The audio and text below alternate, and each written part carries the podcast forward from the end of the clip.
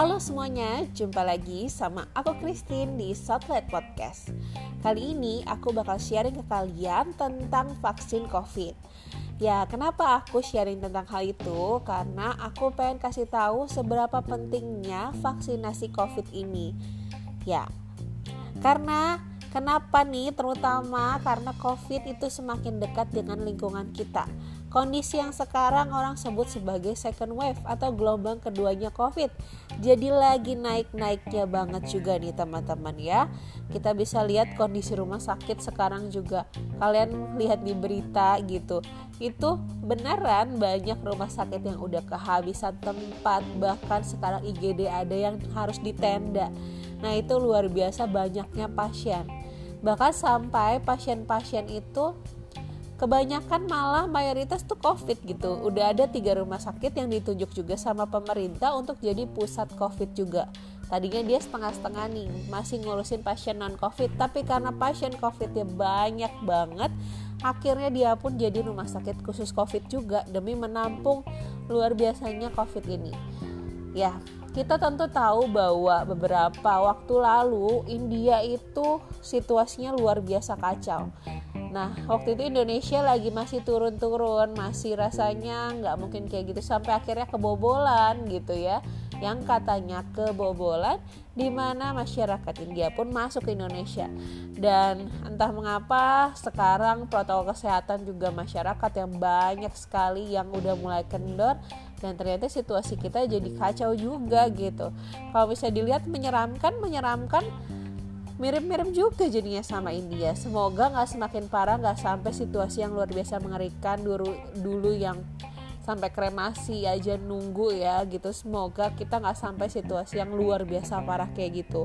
Di saat India sekarang juga udah menuju lepas nih udah semakin ketat udah bagus udah terkendali berhasil menangani tsunami covid itu yang kata mereka tsunami loh bener-bener luar biasa banget kan berarti ya gitu. Karena circle kita semakin dekat dan kita butuh untuk punya proteksi yang lebih luar biasa lagi. Di saat mutasi-mutasi ini varian delta katanya lebih bisa mengalihkan antibodi kita dan lain sebagainya itu. Dan di samping itu pemerintah juga lagi gencar-gencarnya nih teman-teman ya untuk menerapkan vaksinasi untuk semua masyarakat. Sekarang semua orang di atas 18 tahun itu udah boleh divaksinasi COVID. Ya, ada pilihannya itu kalau misalnya yang dilakukan terutama di puskesmas aku di fasilitas-fasilitas kesehatan yang banyak adalah vaksin Sinovac dan vaksin AstraZeneca itu yang ada di Indonesia. Nah, terus kalau misalnya vaksin untuk para pekerja yang biasa difasilitasi oleh perusahaan-perusahaan mereka, itu biasanya vaksin gotong royong, di mana disediakan kerjasama dari pemerintah dan juga si perusahaannya gitu deh. Jadi vaksinnya adalah Sinopharm. Jadi kalau misalnya kalian nih yang masyarakat-masyarakat umum yang memang gak difasilitasi sama perusahaannya gitu. Jadi bisa banget ke puskesmas ke fasilitas kesehatan terdekat. Banyak banget sekarang yang bisa ngasih vaksin gak perlu sesuai sama domisili. Yang penting vaksinnya banyak. Yang penting kalian semua tervaksin pemerintah tuh sangat luar biasa loh. Dia menyediakan vaksin yang luar biasa. Harus beli banyak kan dari luar negeri. Dan itu gratis untuk semua masyarakat Indonesia yang udah bisa divaksin. Ya kayak gitu. Nih aku pengen jelasin dulu sebenarnya kenapa sih orang itu penting untuk divaksin. Karena ibarat kata kalau misalnya kita ngelawan covid ini kita itu punya dua tangan kan ya tapi sebenarnya protokol kesehatan itu hanya melambangkan satu tangan kita aja. Jadi ngelawan covid cuma pakai satu tangan aja terus ya. Nah dengan vaksin kita jadi punya tambahan satu tangan lagi. Jadi bisa ngelawan dengan lebih luar biasa lagi dengan dua tangan. Jadi ibarat kata vaksin itu adalah melengkapi usaha kita melengkapi protokol, protokol kesehatan kita. Ya kayak gitu jadi makanya aku selalu bilang juga di beberapa video-video beberapa juga podcast sebelumnya gitu bahwa aku mengatakan memang orang yang sudah divaksinasi ataupun orang yang bahkan sudah pernah COVID itu bisa kena lagi. Nah, tapi setidaknya dengan kita orang yang berperang melawan COVID nih ya, ibarat kata lawan satu lawan satu ya. Nah, satu lawan satu ini kalau misalnya kita cuma satu tangan aja, protokol kesehatan aja gitu, atau orang yang sebenarnya udah divaksin tapi dia akhirnya mengabaikan protokol kesehatannya. Itu ibarat kata balik lagi satu tangannya nggak ada lagi. Nah ini adalah perumpamaan yang digambarkan oleh dokter Adam Prabata waktu kemarin dia live di Instagramnya dengan Halodoc Nah, jadi ini benar-benar melambangkan kayak gitu. Jadi kalau misalnya kalian udah divaksin terus protokolnya abai, ya udah satu tangan kalian kalian simpan lagi. Ibarat kata lawan kayak gitu. Nah, kalau misalnya lawan orang, lawan musuh cuma satu tangan, sama lawan dua tangan, tentu akan lebih sedikit impactnya ke kalian atau lebih babak belurnya lebih sedikit lah. Kalau misalnya kalian itu melawan dengan dua tangan, tangan kalian yang satunya gak disimpan atau enggak, kalian belum dapetin gitu ya. Jadi vaksin itu sebenarnya memang tidak melindungi 100% tapi bukan berarti tidak berguna. Dia berguna untuk membuat kita terhindar dari COVID yang berat.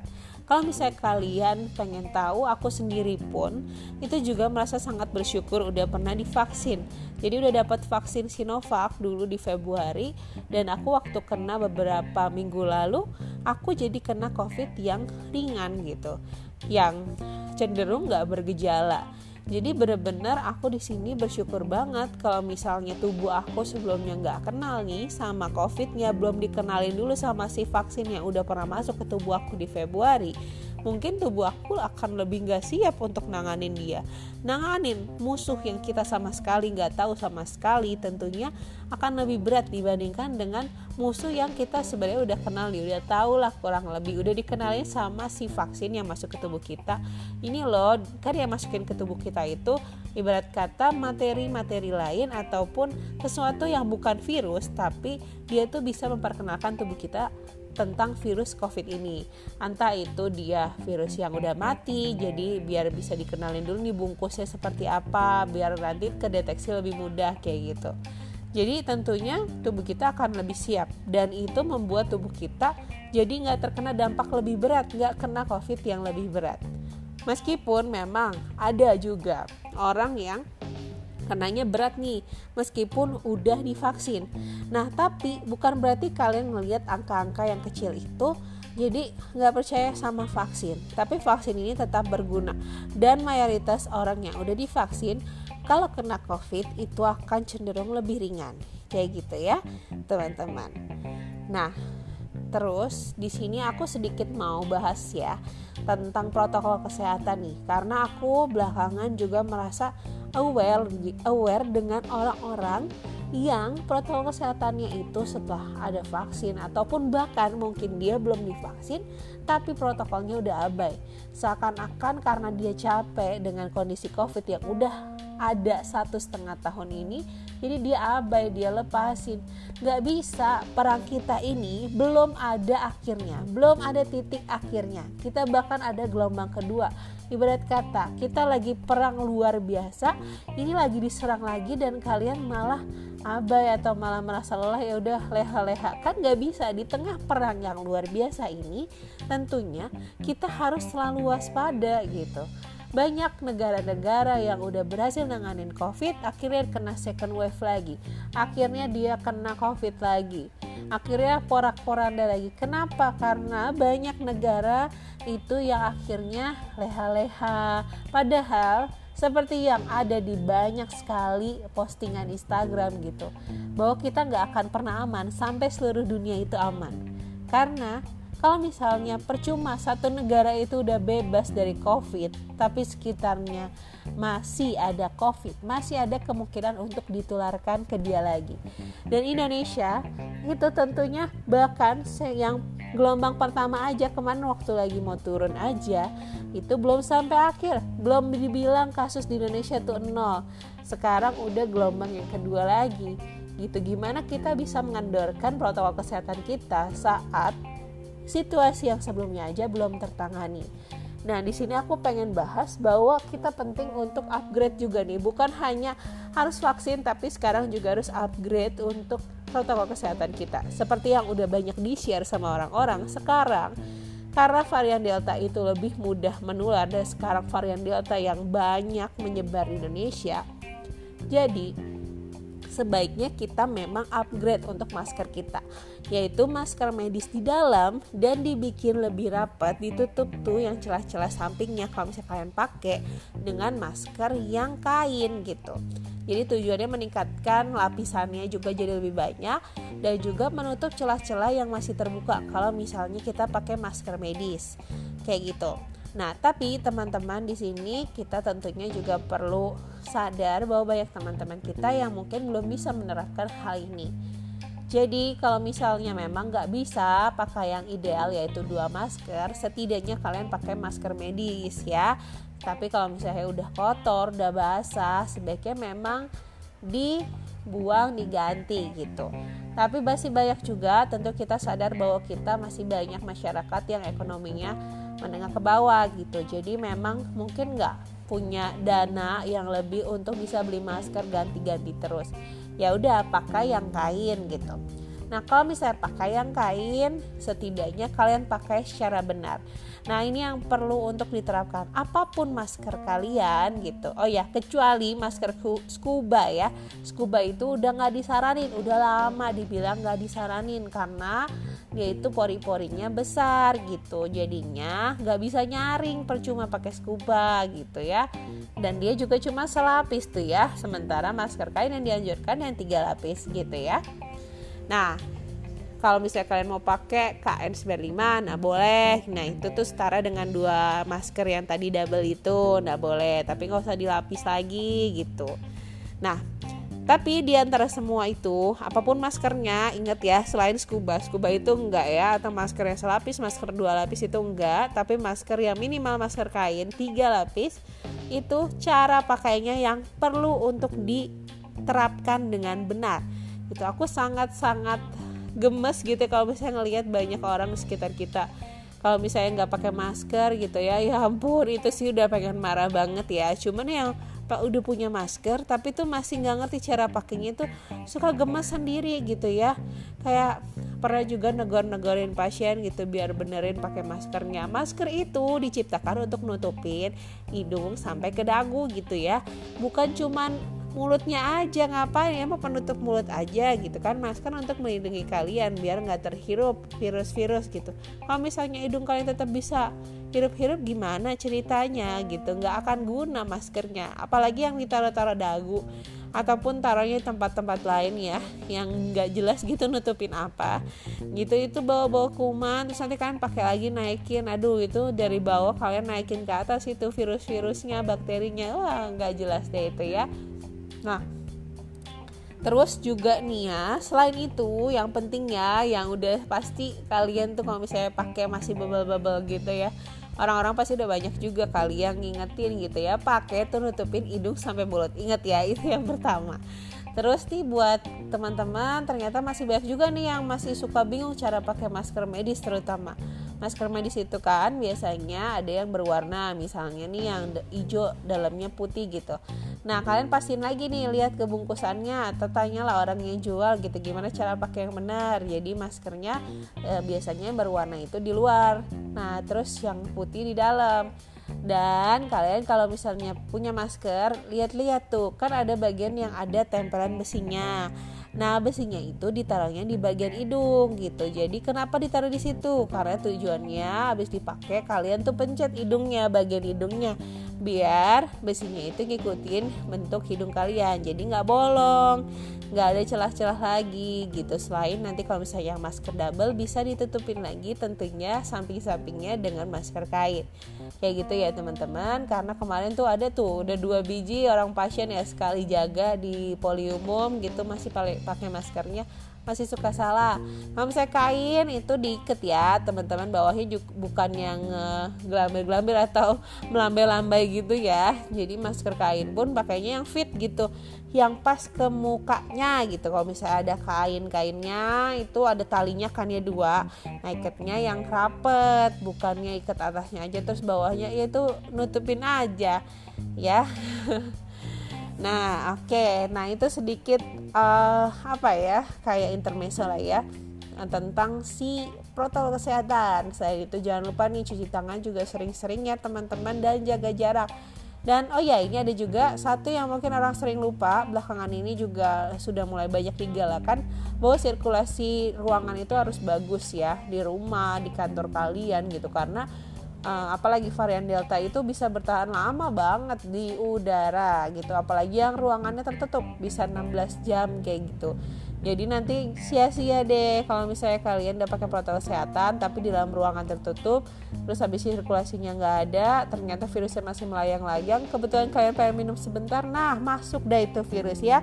Jadi makanya penting banget untuk sirkulasi udara juga bagus Selain itu juga banyak loh penyakit-penyakit lain yang bisa dihindari dengan sirkulasi yang bagus. TB itu ya, kan sinar matahari harus masuk ke ruangan gitu biar kuman TB itu nggak berkembang biak bahagia banget tuh. Banyak juga virus-virus lain yang suka tempat-tempat lembab. DBD nih nyamuk-nyamuk tuh suka banget tempat-tempat lembab yang nggak ada sirkulasi udaranya yang ya pokoknya lembab-lembab bahagia lah itu buat banyak sekali penyakit ya. Jadi penting untuk sirkulasi udara matahari itu juga masuk-masukin ya ke ruangan ya biar sirkulasinya bagus kelembapannya juga bagus. Oke okay kayak gitu ya teman-teman. Itu sedikit aja mungkin banyak juga ya. Tapi ini penting banget untuk kalian tahu juga makanya aku tetap notice dan meskipun bahas vaksin tetap harus bahas ini. Oke kita balik lagi tadi udah tahu pentingnya untuk vaksin situasi sekarang ini apalagi ya di saat ada fasilitas dari pemerintah gratis pula gitu kalian kalau udah punya kesempatan vaksin vaksin vaksin oke Nah, tapi di sini kan banyak nih orang yang khawatir ya sama vaksin. Aduh, gimana, gimana, gimana. Aduh, apa sih harus disiapin gitu ya. Jadi ini aku pengen jelasin. Aku tuh kayak jaga vaksinasi masih banyak banget yang nanya. Jadi aku akan jelasin di sini. Vaksin, kalau misalnya sebelum mau vaksin, kalian kan tentunya tahu dulu kira-kira um, vaksinnya apa. Kalau bisa tahu, kalian akan lebih tenang gitu ya kan Nah, nanti kalian baca-baca, tapi bukan dari sumber yang gak jelas, bukan dari WA keluarga yang katanya sumber ini, katanya sumber ini, padahal bukan. Gitu. Jadi baca dari sumber-sumber terpercaya dari BPOM, dari Kemenkes gitu ya. Nah, jadi di sini kalau misalnya kalian udah tahu, kalian akan lebih tenang. Nah, terus selanjutnya apa sih yang perlu disiapin? Oke, udah ready. Besok kalian itu mau untuk dilakukan vaksinasi. Nah, jadi yang pertama adalah kalian istirahat yang cukup. Terus udah gitu, kalau paginya sarapan. Biasanya sarapan itu 2 jam sebelum vaksinasi aja biar tensinya nggak naik karena biasanya kalau misalnya habis makan gitu tensi naik. Nah, tentu selain itu juga harus siapin surat-surat yang dibawa, KTP-nya, Terus kalau misalnya kalian punya berbagai penyakit penyerta, jangan lupa untuk pastikan kalau misalnya penyakit-penyakit yang apalagi yang berat yang ditangani sama spesialis harus ada surat rekomendasinya. Kalau misalnya kondisi kalian kurang fit, batalkan untuk vaksinasinya. Ya, daripada kenapa-napa. Memang akan di screening, tapi kalian juga harus punya kesadaran sendiri kalau misalnya nggak fit daripada datang ke fasilitas kesehatan gitu kan ada resiko juga kan di sana ada yang penyakit juga jadi lebih baik kalian yang punya lampu-lampu merah sendiri gitu. Kalau misalnya kalian lagi batuk pilek demam gitu apalagi yang misalnya habis kontak erat gitu ya pastikan dulu nih kalian oh udah sehat udah oh pasti negatif. Misalnya kalau misalnya kalian ada gejala gitu misalnya udah swab atau apa ataupun yang ada gejala misalnya lagi radang kah atau atau misalnya batuk pilek biasa pun gitu. Kalau bisa kondisinya udah fit nah itu baru kalian rencanakan untuk divaksinasi. Nah kalau misalnya kalian udah punya surat rekomendasi udah siap kondisi beneran fit udah istirahat cukup nah semoga kalian bisa. Nah tapi nanti kalian datang daftar jangan lupa uh, jawab dengan jujur ya untuk screening screeningnya jangan sampai kalian bohong. Kenapa sih? Karena vaksinasi itu memang banyak orang yang sekarang juga udah mulai ngerti kalau vaksinasi itu penting. Ataupun ada juga sebenarnya beberapa yang karena memang ngurus-ngurus apa pun sekarang harus ada bukti udah divaksinasinya ya gitu. Nah tapi tetap aja kalau misalnya vaksin itu ya harus kondisinya fit biar membentuk antibodinya itu dengan baik. Nah, makanya jawab dengan jujur. Kalau misalnya ternyata tensi terlalu tinggi disuruh berobat ya berobat dulu gitu. Nah di sini kita tuh semuanya kalaupun misalnya nyuruh berobat dulu nyuruh minta rekomendasi dulu bukan mau nyulitin kalian tapi buat memastikan kalau kalian itu benar-benar layak untuk divaksin. Benar-benar aman siap untuk dapat vaksin ini karena tentunya vaksin itu sama kayak orang berobat juga gitu. Ada resikonya ada manfaatnya juga gitu ya. Jadi jangan sampai risikonya lebih besar daripada manfaatnya Contohnya aja yang hamil, meskipun POGI yaitu Persatuan uh, Oksigen gitu, dokter oksigen udah bolehin, tapi Kemenkes tentunya masih untuk menelaah menelaah nih. Dan juga dari POGI pun yang hamil baru dianjurkan untuk yang sebenarnya resiko tinggi ataupun yang udah dijelasin, ngerti dan paham akan resikonya. Kayak gitu teman-teman dan itu pun sebenarnya masih dibatasin kalau hamil pun harusnya Sinovac aja nanti kita tunggu aja up, uh, apa ya update-update berikutnya gitu Nah, gitu kan teman-teman. Nah, terus kalau misalnya nanti udah divaksin, kalau misalnya takut atau apa, tenang, tenang, jangan banyak pikiran nih. Bisa minta tolong apa, minta tolong untuk apa ya? Kayak ada teman mungkin yang nemenin buat ngalihin perhatian kalian kalau pas disuntik gitu. Ataupun kalian jangan lihat lah itu jarumnya. Tenang aja jarumnya kecil kok gitu ya. Cuman memang ada beberapa yang trauma butuh ditemenin ya nggak apa-apa Oke, nah terus habis itu tadi kan udah sebelumnya, terus selama screeningnya udah harus jujur, selama disuntiknya aman gitu ya, butuh ditemenin ya bilang gitu kan. Nah terus apa sih yang harus dilakukan setelah itu? Biasanya kalian akan melakukan observasi, misalnya selama 15 sampai 30 menit gitu. Nah sama observasi kalian duduk diam tenang gitu ya. Nah diam tenang. Habis itu kalau ada keluhan jangan lupa untuk disampaikan. Apalagi kalau misalnya keluhannya rasanya cukup berat. Nah kalau misalnya ternyata sama observasi itu selama 30 menit gitu mungkin uh, dilakukan observasi itu ternyata nggak ada gejala kalian jangan lupa untuk dengerin arahan berikutnya dari orang yang memulangkan kalian yang ngasih kalian kartunya. Nih kalau misalnya kalian pengen dengerin edukasi aku biasanya adalah jadi ini ada kartunya. Kartunya uh, nanti dibawa lagi untuk dosis kedua. Biasanya kalau dosis kedua. Nah terus habis itu aku bakal tanya juga untuk nah, selama observasi ini selama 30 menit ini ada keluhan gak jawab dengan jujur aja. Biasanya kalau misalnya orang-orang itu paling pegel-pegel gitu nggak enak. Nah, nanti kalau misalnya di rumah biasanya ada juga fasilitas kesehatan gitu yang ngasih parastamol buat dibawa pulang, apalagi yang dosis pertama gitu ya. Ini kalau misalnya pegel-pegel gitu ataupun kadang ada demam gitu nggak apa-apa, biasanya itu normal. Ada banyak juga yang ngalamin efek samping kayak gitu. Nah, itu biasanya boleh minum parastamolnya gitu. Ataupun yang pegal-pegal mau dikompres-kompres dulu boleh. Biasanya kompres dingin gitu ya. Kompres dingin biar nggak nyeri nyut-nyutan. Tapi udah berapa hari kalau misalnya ternyata ada bengkaknya gitu biasanya akan ganti. Boleh dikompres hangat biar lebih cepat penyembuhannya atau kompresnya tuh bengkaknya gitu ya Nah, terus habis itu aku bakal bilang juga kalau misalnya nanti di rumah gejalanya berhari-hari tetap gak enak badan, tetap harus uh, ini ya aware gitu. Jangan dianggap biasa aja biasa aja padahal udah berhari-hari. Ataupun tiba-tiba muncul gejala berat nih mau itu baru pulang baru juga jalan keluar dari tempat vaksinasi. Misal tiba-tiba sesak pandangan kabur atau tiba-tiba bengkak kakinya sebelah gitu. Ataupun gejala-gejala lain yang menurut kalian nih cukup berat ya gitu buat kalian ataupun kalian merasa nggak bisa tangan sendiri atau udah mulai aneh nih tubuhnya gitu. Kalian jangan khawatir jangan segan untuk hubungi nomor yang biasa ditulis di kartu vaksinasi kalian. Nah itu buat kontak personnya kalau misalnya ngalamin gejala ataupun kalian kelainan kesehatan terdekat tentunya juga baik. Seperti itu.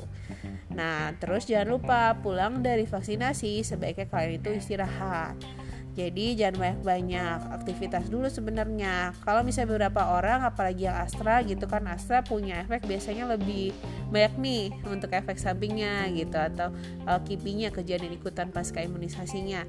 Jadi biasanya orang lemes atau demam gitu. Biasanya bisa juga mendingan kalian izin dulu untuk istirahat di rumah, rebahan dulu biar benar-benar fit gitu. Jadi sebelum divaksin fit di sebelum setelah divaksin pun juga fit gitu ya. Jadi tetap istirahatnya cukup makan yang benar gitu ya. Kalau misalnya ada keluhan-keluhan tadi dilaporkan. Kayak gitu. Nah, terus ada juga khusus nih kalau misalnya biasanya untuk AstraZeneca aku bakal edukasi untuk mengurangi dulu kafein. Nah, contohnya ada di kopi, teh, terus habis itu juga ngurangin ya ngerokok-ngerokok gitu. Karena katanya pembentukan antibodinya kalau misalnya di AstraZeneca itu bisa terganggu juga nih kalau misalnya kalian banyak-banyak uh, mengkonsumsi kafein kayak gitu. Jadi lebih baik dikurangi dulu. Memang berat kalau bisa sih sebenarnya di stop. Cuman kan karena berat ya biasanya aku kan anjurkan untuk dikurangi dulu aja. Ya gitu. Nah terus teman-teman ini juga ada penting nih. Keepingnya tuh sebenarnya apa aja sih sebenarnya biasanya tuh orang akan ngalamin demam ataupun pegal-pegal pusing gitu. Nah tapi sebenarnya jarang banget jadi batuk pilek ataupun hiposmia gitu ya. Hiposmia tuh hilang penghidup gitu ataupun hilang perasa nih ya. Nah, itu sebenarnya jarang banget. Jadi tetap kita meskipun udah divaksin tetap harus aware apakah ada kemungkinan kita kena covid atau enggak. Jangan semua semua itu dianggap sebagai kipi atau kejadian ikutan pasca imunisasi dari covidnya Nah, kenapa sih mesti aware? Karena sebenarnya pembentukan antibodinya pun itu akan lebih sempurna setelah vaksinasi kedua gitu jadi masih cukup rendah kalau misalnya vaksinasi yang apa ya yang pertama itu nah jadi tetap makanya protokol kesehatan pun harus diterapkan. Setelah vaksinasi kedua pun protokol kesehatan harus diterapkan apalagi baru vaksin pertama gitu. Tentu juga harus waspada gitu ya. Nah, jadi uh, makanya kipi-kipi itu jangan cuma dianggap oh kipi kali ya, oh kipi kali ya, tapi harus aware juga apalagi ada orang yang positif di sekitar kita atau kita jadi kontak erat kayak gitu ya. Nah, itu tentu kita harus lebih aware. Kalau misalnya kalian takut, lakukanlah tes swab gitu kalau misalnya kalian pengen yang super akurat tentu aja PCR tapi kalau misalnya orang yang mungkin uh, darahnya terbatas atau nggak bisa dapat uh, swab yang gratis dari puskesmas gitu mau yang antigen sih nggak apa-apa. Cuman kalau antigen itu nggak bisa kalian pastikan kalau kalian itu positif atau negatif beneran gitu tentunya harus dikonfirmasi lagi dengan PCR nah sebaiknya kalian kor apa ya koordinasi dengan puskesmas terdekat atau Pak RT lah gitu ya biar sama-sama bisa dapat penanganan yang terbaik. Kita pakai isoman kalau misalnya memang ternyata positif atau sebenarnya cuma radang biasa yang bisa diobatin gitu kan tentunya agar kita semuanya itu sehat-sehat aja. Nah mungkin teman-teman sekian dulu nih uh, apa ya yang bisa aku sampaikan ya uh, sedikit informasi yang bisa aku sampaikan dari apa yang sebenarnya cukup aku lakukan sehari-hari gitu buat vaksinasi ataupun apa tadi protokol kesehatan yang aku ketemu orang-orang yang suka salah itu seperti apa. Semoga uh, podcast kali ini bisa membantu kalian, bisa menenangkan kalian juga nih sebenarnya kira-kira apa aja sih yang harus disiapkan gitu ya. Yang penting kalau misalnya kalian punya kesempatan untuk divaksin jangan takut. Jangan takut kalau misalnya kalian merasa merasa aduh kan ada efek samping ini ini tentu aja pemerintah udah ngasih yang terbaik. Terus kita juga udah observasi kan untuk uh, apa efek samping dari vaksinnya. Dan kita juga ngasih kontak yang bisa dihubungin kalau misalnya ternyata ada efek samping yang berat. Jadi memang kita juga menyediakan kalau misalnya orang itu kenapa-napa pun kita siap kok kan? Makanya di fasilitas kesehatan. Kalaupun bukan di fasilitas kesehatan misalnya di hotel atau di mana nanti kita juga udah punya persiapan yang cukup untuk menangani efek samping yang kalau mungkin terjadi. Kayak gitu. Jadi jangan takut untuk divaksin. Yang udah dapat kesempatannya yuk divaksin. Banyak banget ya orang yang nggak kenapa-napa setelah divaksin bahkan aku nggak pernah ketemu sebenarnya sama aku vaksin sekian ratus udah sekian ribu orang ya yang udah divaksin vaksin gitu nggak ada kok yang keepingnya berat-berat gitu ya.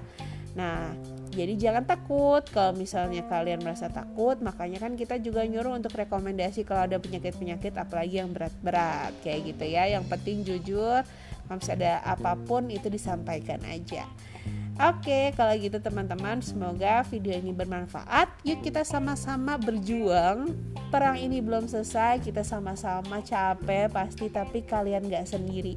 Kita sama-sama berjuang. Aku di sini juga berjuang. Aku sebenarnya takut banget untuk keluar-keluar rumah, tapi mau nggak mau karena tugasnya jauh juga.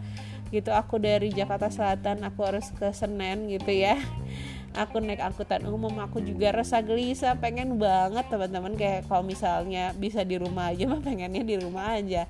Jadi teman-teman yang nggak perlu di rumah aja ya. Jangan ke mana-mana nggak usah kebanyakan jalan-jalan gitu malah bikin musibah. Nanti apalagi yang punya anak-anak jadi hati-hati. Apalagi Indonesia adalah negara dengan kematian anak tertinggi di dunia jadi mari kita jaga diri kita, jaga orang di sekitar kita, jaga Indonesia. Semoga kita bisa segera lepas dari corona ini. Semangat, perang belum selesai, tapi kita harus menang dalam perang ini.